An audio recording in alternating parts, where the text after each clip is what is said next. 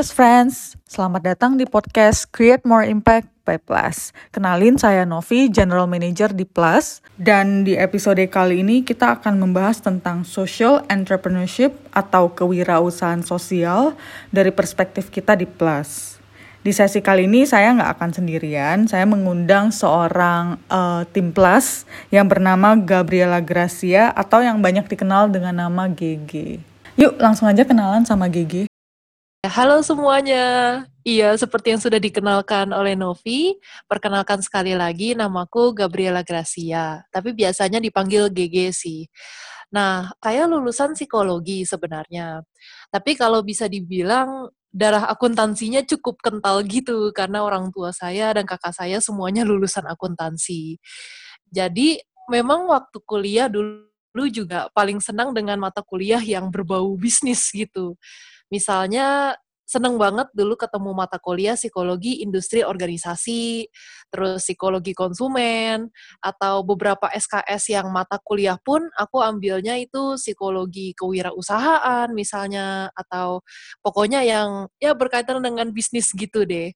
Jadi kalau diingat-ingat kayaknya entah kenapa kayak udah udah kayak jalannya gitu bisa masuk plus gitu. Iya iya, mungkin sedikit konteks ya. GG awal join di Plus itu sebagai research intern, terus kemudian uh, jadi tim full time kita sampai sekitar dua tahun lebih. Sekarang by the way GG udah nggak di Plus lagi, udah resign gitu. Nanti kita coba tanya-tanya ya gimana. Mungkin sebelum kita masuk ke pembahasan mengenai social entrepreneurship, boleh cerita sedikit nggak G, path atau perjalanan kamu di Plus itu seperti apa? Oke, pertama kali tuh sebenarnya aku join Plus itu karena lihat Jarkoman sih, kayak waktu itu Plus lagi buka lowongan untuk research intern, dan waktu itu juga aku um, masih kuliah sebenarnya, tapi udah tinggal nyelesain mata kuliah pilihan doang. Skripsinya juga udah selesai gitu. Jadi aku pikir, wah sekalian deh uh, mengisi waktu juga intern. 4 bulan lagi pas banget sebenarnya. Jadi waktu pertama kali tuh benar-benar di tahun 2018 fokusnya lebih ke arah ngerjain penelitian tentang lanskap usaha sosial di Indonesia. Dulu proyeknya Plus itu sama British Council. Nah, di tahun itu sebenarnya aku benar-benar terekspos sih dengan dunia atau ekosistem usaha sosial. Mulai dari pelaku-pelakunya, enablers, institusi pendidikan tinggi, sampai kepada badan pemerintahan yang berkaitan dengan dunia usaha sosial gitu. Nah, itu benar-benar terbuka gitu wawasannya di sana. Dan waktu itu juga ada beberapa proyek lain sebenarnya yang membuat aku berkesempatan ngunjungin kota kota-kota di Indonesia gitu, ke Medan, Bandung, Jogja, Malang, Surabaya, Bali gitu. Nah di situ aku benar-benar bertemu sama pelaku-pelaku SI sama SI entusias juga sih dari kota-kota itu. Jadi aku merasa perjalanan aku di tahun pertama tuh enak banget sebenarnya dan aku jadi bisa kenal dalam banget tentang dunia usaha sosial. Nah, kalau misalnya di tahun kedua itu uh, ya mungkin bisa dibilang kayak naik level gitu ya. nah, yang tahun pertama kan wah melihat gitu, observasi bla bla bla. Di tahun kedua benar-benar terjun ke dalam perencanaan dan manajemen proyek gitu. Bahkan dulu juga sempat dipercayakan memimpin satu proyek yang menurut saya juga nggak kecil gitu. Nah, secara pribadi di tahun kedua membuat aku lebih um, dive deep banget sih ke dalam usaha sosial gitu. Dan bukan hanya observasi dari luar tapi benar-benar ngobrol banyak dan deep gitu dengan usaha pelaku usaha-usaha sosial atau juga bikin materi-materi tentang usaha sosial dan juga bergulat dengan ibaratnya apa ya kayak definisi usaha sosial kah atau kayak gimana kita ngukur impact kah itu kan masih jadi perdebatan yang sampai sekarang kita uh, sedang apa ya perdebatkan gitu secara global gitu. Nah di situ membuatku benar-benar bisa melihat banget dan aku seneng sih karena teman-teman di Plus dan teman-teman juga di ekosistem usaha sosial juga sama-sama apa ya membara dan kita jadi kayak bareng-bareng gitu uh, mengangkat dan terus berkecimpung di dalam dunia ini. Jadi semangat banget sih dan makin passionate lah dengan pekerjaannya gitu. Oke, nah kalau gitu menurutmu social entrepreneurship atau SI itu apa sih? Dan ini setelah mungkin dua tahun kamu di Plus, apakah SI ini menjawab kebutuhanmu dan kepikiran nggak untuk mendirikan SI? Hmm, oke oke, itu menarik ya. Aku jawab dulu yang kedua deh. Oke oke. Oke, kalau mau ditanya apakah dunia SI itu menjadi jalan untukku gitu ya, misalnya kayak ke depan membuat sebuah usaha sosial atau enggak gitu. Jujur aku belum yakin sih. kayak um, apa namanya? Um, kan aku udah dalam banget nih ya di dunia SI gitu. Nah sebenarnya aku memang ke depannya ingin mencari tahu sih lebih banyak tentang dunia yang lain juga di luar sana. Nah apakah nanti akhirnya akan balik lagi ke SI? Aku takut jawabnya sekarang gimana dong. Jadi kalau misalnya di masa depan saya menjawab pertanyaan dengan tindakan nyata gimana? Iya. Yeah. iya. Nah untuk pertanyaan yang pertama tadi ya. Hmm. Oke, okay. mungkin untuk um, teman-teman yang seperti saya terus mencari tentang definisi usaha sosial, ya kita sama-sama sudah tahu kali ya kalau definisi yang sebenarnya disetujui seluruh orang di dunia ini belum ada gitu. Ya namanya juga ilmu ya, haha, pasti selalu diperbarui dari waktu ke waktu. Tapi kalau misalnya menurut saya pribadi, kalau mau dirangkum jadi satu kalimat ya, mungkin uh, bunyinya seperti ini. Ya. Hmm um, usaha sosial itu usaha yang memberikan dampak nyata positif berdasarkan dorongan untuk menyelesaikan isu isu sosial atau lingkungan.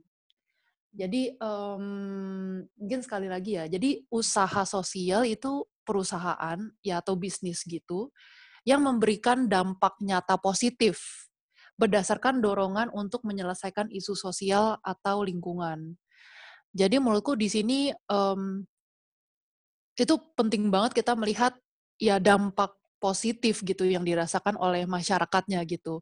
Instead of kayak oh ya kita punya misi ini punya misi itu, tapi semakin ke sini aku um, benar-benar melihat ya usaha sosial tuh yang benar-benar bisa memberikan dampak. Kira-kira kayak gitu sih. Sebenarnya ini agak mundur dikit ya, tapi jadi penasaran juga sih apa yang membuat lu ngerasa mendirikan SI itu bukan passionmu atau bukan sesuatu yang ingin kamu jalankan?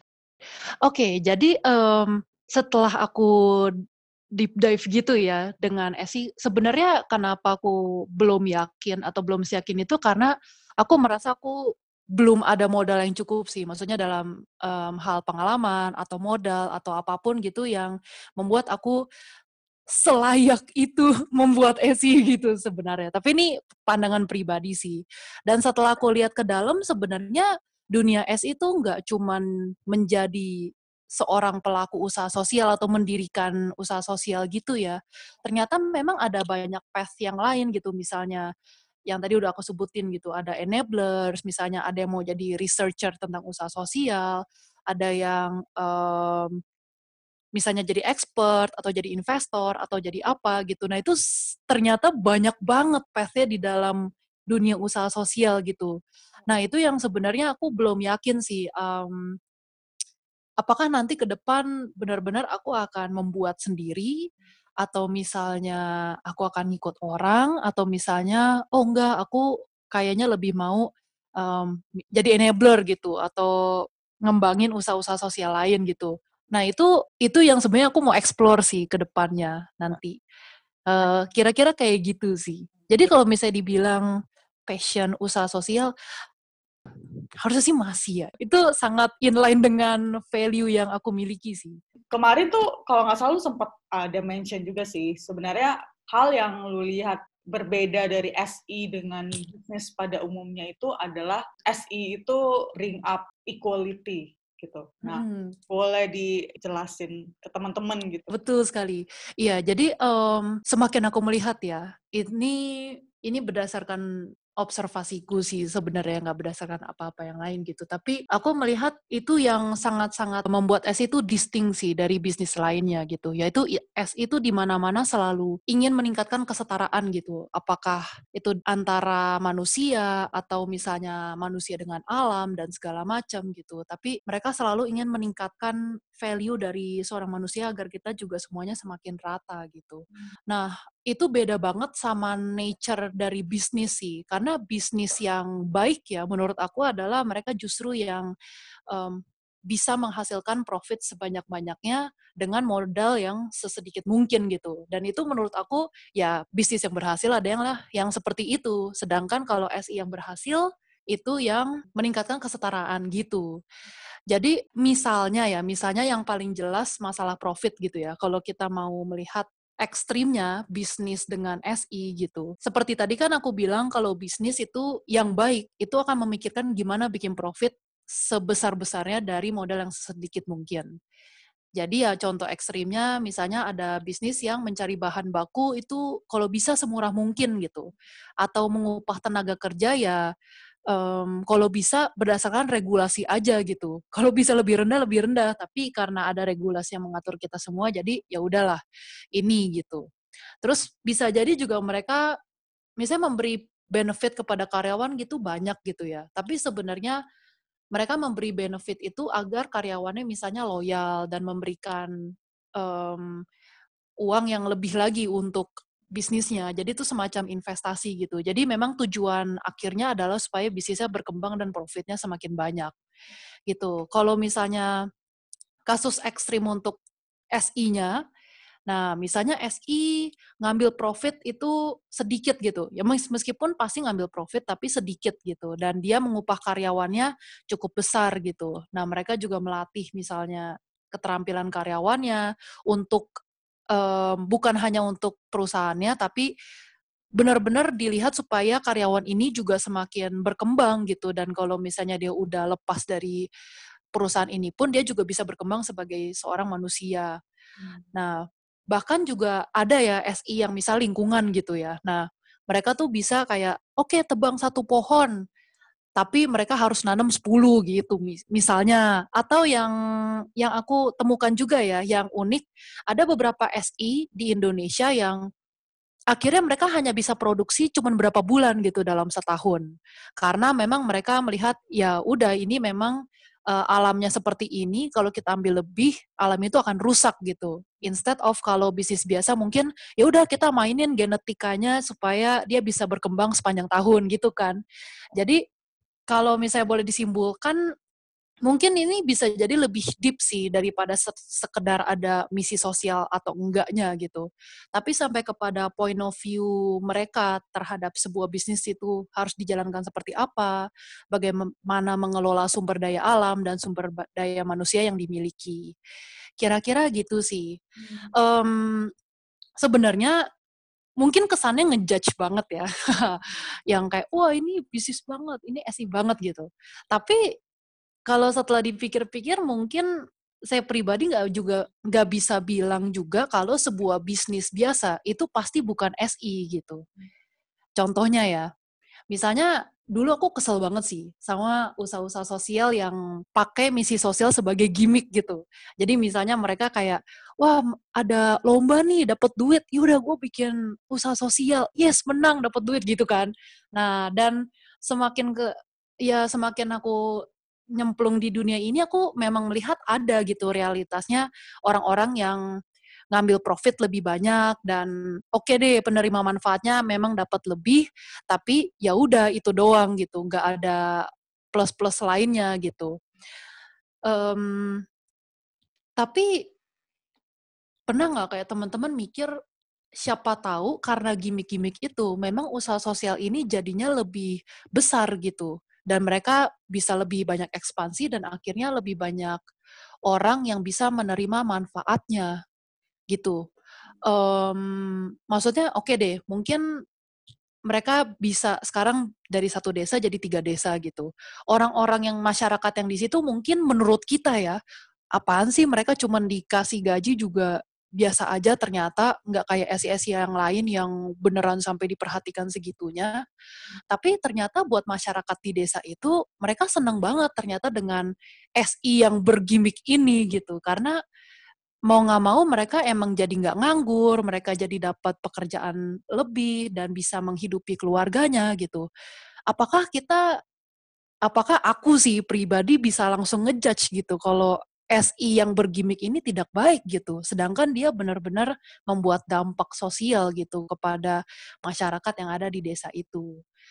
Atau misalnya kasus lain, um, kita juga nggak bisa menolak realita ya bahwa sebenarnya bisnis-bisnis besar lah yang lebih dapat menjangkau masyarakat di pelosok desa gitu. Mereka yang membuat lapangan pekerjaan di desa tuh jauh lebih banyak dibandingkan SI yang ada saat ini dan itu juga membuat masyarakat di sana bertahan hidup gitu. Apakah aku bisa dengan gampang ya melihat ah enggak mereka cuman bisnis doang gitu padahal mereka jelas-jelas membuat dampak sosial gitu di sana. Yang bisa gue simpulkan adalah berarti orang yang mendirikan bisnis versus orang yang mendirikan SI itu menganut value atau nilai yang cukup berbeda gitu ya. Hmm. Nah, hmm. kalau dari pengalamanmu, ada nggak sih contoh SI atau enabler atau siapa pun yang uh, menurutmu itu menganut nilai-nilai yang mungkin bisa kita tiru atau bisa kita pelajarin yang sebenarnya ya menurutmu itu sangat baik gitu. Oke, okay, iya itu itu banyak banget sih sebenarnya SI atau enabler saat sebenarnya yang memiliki value yang menurut aku keren banget dan mereka benar-benar menghidupi value itu sih. Mungkin kalau misalnya boleh pilih, ada tiga sih yang sangat membekas banget. Yang pertama, itu aku pertama kali kenal SI ini um, dari wawancara Novi dengan Mas Dwi sih. Pencetus dari SI ini namanya The Local Enablers. Dia itu dosen teknologi agrobisnis kalau nggak salah di UNPAD, tapi dia memiliki jiwa untuk membangun entrepreneur tuh tinggi banget gitu. Jadi dia mendorong murid-muridnya untuk bisa beraksi dan membuat SI sendiri. Nah itu dia ada komunitas enablers lah ya. Nah ini namanya the local enablers atau kita biasanya sebut TLI e sih. Nah di sini value yang saya lihat kental sekali adalah benar-benar enabling the local gitu. Jadi sesuai dengan namanya mereka sangat apa ya menghidupi the local enablers itu dengan baik gitu. Contoh sederhananya ya, kan mereka sering banget nih traveling Bandung Jakarta karena base mereka di Bandung Jatinagor tapi mereka banyak event di Jakarta. Nah, setiap kali ada event, Mas Dwi itu selalu membawa orang-orang di dalam TLI gitu ke sini. Itu untuk bisa membuka wawasan atau bertemu dengan banyak orang ya. Mungkin ini hal yang simple banget, tapi sebenarnya aku melihat ini sangat berdampak besar Mbak, terhadap orang-orang yang ikut sih. Misalnya di tahun 2018, aku ingat banget ketemu Mas Taufik itu pas dia masih join Mas Dwi di dalam TLI itu. Dan sekarang Mas Taufik udah mimpin Satcita School, unit bisnis TLI, dan dia udah ke mana-mana gitu, bawa workshop segala macam, bahkan sampai ke Jayapura. Jadi benar-benar um, apa ya, kayak nilai the local enablers itu mungkin memang tercetus dari Mas Dwi, tapi itu sekarang udah gak jadi nilai pribadi lagi, tapi itu udah jadi nilai komunal dan sudah rasanya kayak diinternalisasi gitu untuk seluruh orang di dalam TLI. Jadi sekarang aku ketemu Mas Taufik pun dia udah bawa orang lain gitu, orang baru di dalam dari TLI atau Sacita School-nya gitu. Jadi itu keren banget sih menurut aku. The local enabler, sesuai dengan namanya. Mereka enabling the locals. Iya. Yeah. yang kedua, yang kedua, ini aku menemukan usaha sosialnya di awal-awal banget sih. Pas lagi nyari usaha sosial untuk research.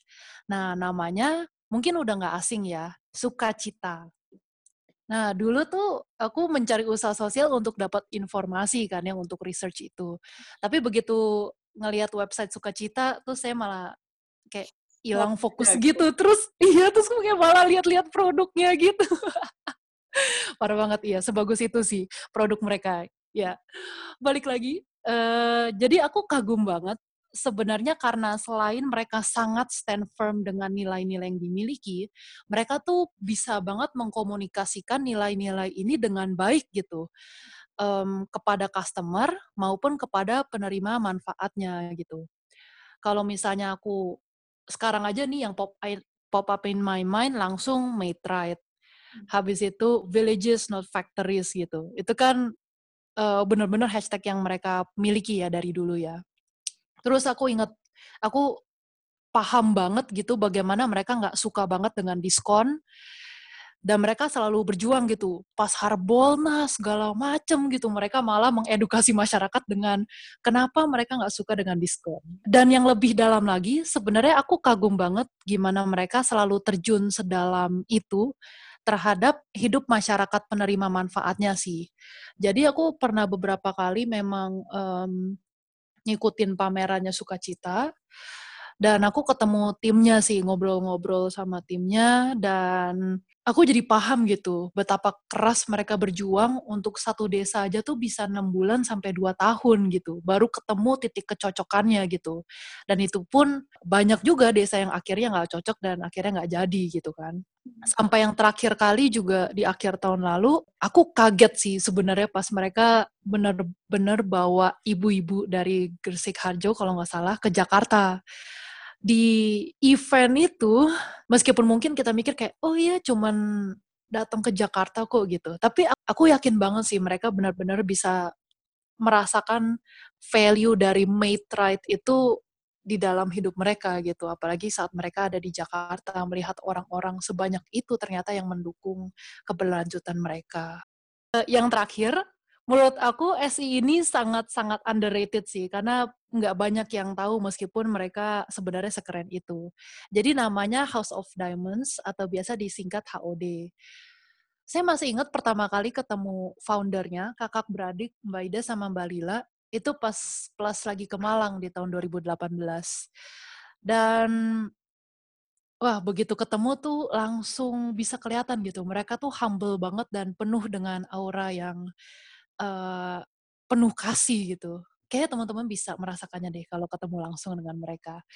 Nah, um, apa ya? Aku merasa tuh mereka sededicated itu dengan HOD gitu. Dan benar aja gitu. Di pertemuan selanjutnya sebenarnya aku nggak expect sih untuk ketemu mereka karena waktu itu plus cuma ngundang mereka um, datang ke launching research kita dan itu cuma sehari dan kita nggak expect mereka akan datang dari Malang gitu khusus untuk mengikuti event itu saja nah. but they came gila sih keren banget dan nah, setelah ngobrol-ngobrol dengan mereka setelah itu juga aku kagum banget gimana mereka benar-benar um, memperhatikan ke 25 ibu-ibu yang waktu itu uh, 25 ya, itu mereka bantu gitu. Jadi banyak dari ibu-ibu yang mereka bantu tuh sebenarnya jadi korban ketidakadilan sih di dunia yang sungguh kejam ini. mereka banyak kan dulu bekerja di industri tekstil yang aku dengar hanya dibayar 500 perak per baju.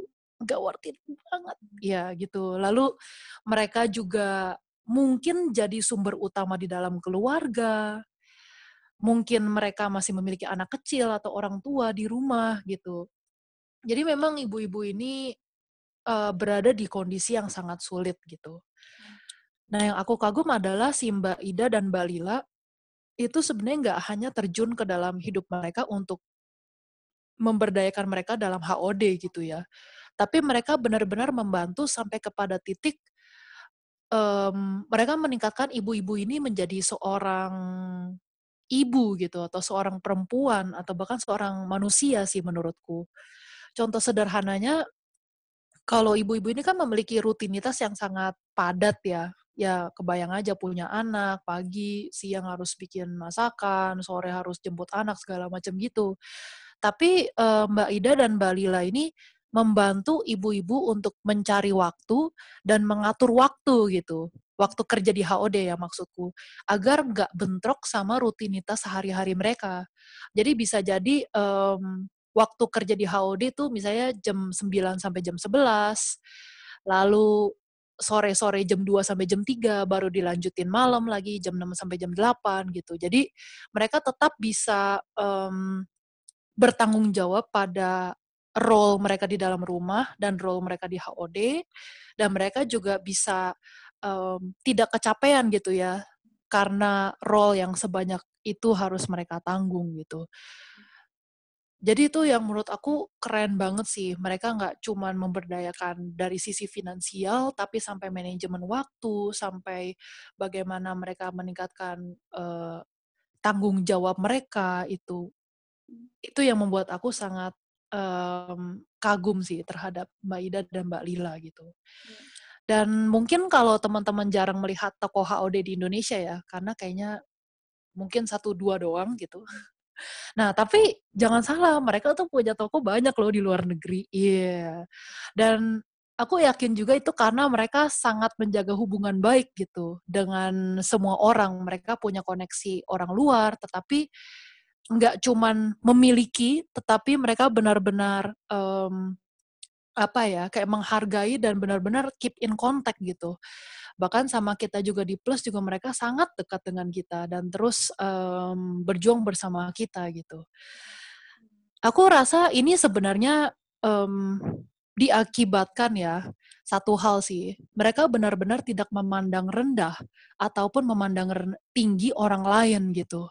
Jadi balik lagi equality ya tadi ya, itu sangat aku lihat sih di dalam HOD ini dan bagaimana mereka mengerjakan sebuah bisnis itu uh, wah ini nilai equality ini aku sangat dapatkan dari mereka.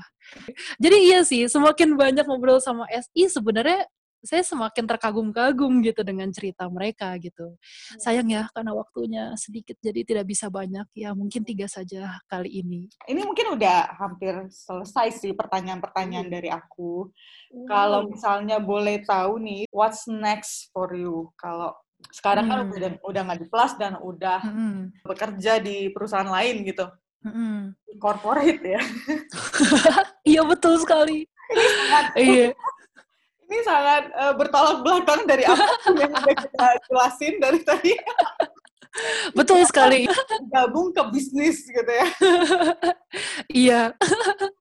iya sih. Um, aku sendiri memang ingin mencari pengalaman sih di sektor industri yang baru dan mau apa ya melihat tuh bisnis tuh kayak apa sih? gitu. Dan semoga mungkin dengan seperti ini aku jadi lebih mengenal diriku sendiri sih. Dan nanti akhirnya aku bisa memutuskan aku mau di jalan yang mana. Karena apa namanya aku sendiri mungkin butuh apa ya kayak pengalaman praktis gitu kali ya untuk bisa benar-benar menemukan oh ternyata diriku memang di sini atau oh ternyata ini bukan diriku. Seperti itu sih kira-kira. Tapi kalau misalnya diizinkan saya ingin juga belajar formal lagi di negara idaman. Semoga setelah itu sudah lebih yakin dengan diri ini ingin ngapain lagi. Kira-kira itu sih nextnya. Oke deh, thank you banget GG untuk sharing-sharingnya. Nah, semoga podcast ini bisa menjadi inspirasi ya buat kita dan buat teman-teman yang mendengarkan dalam perjalanan untuk create more impact. Untuk episode selanjutnya kita sangat terbuka jika teman-teman ada ide mengenai topik-topik yang perlu kita bahas atau uh, pembicara mungkin yang dapat kita undang, teman-teman bisa DM di @usahasosial_id. Oke, sampai jumpa di episode selanjutnya.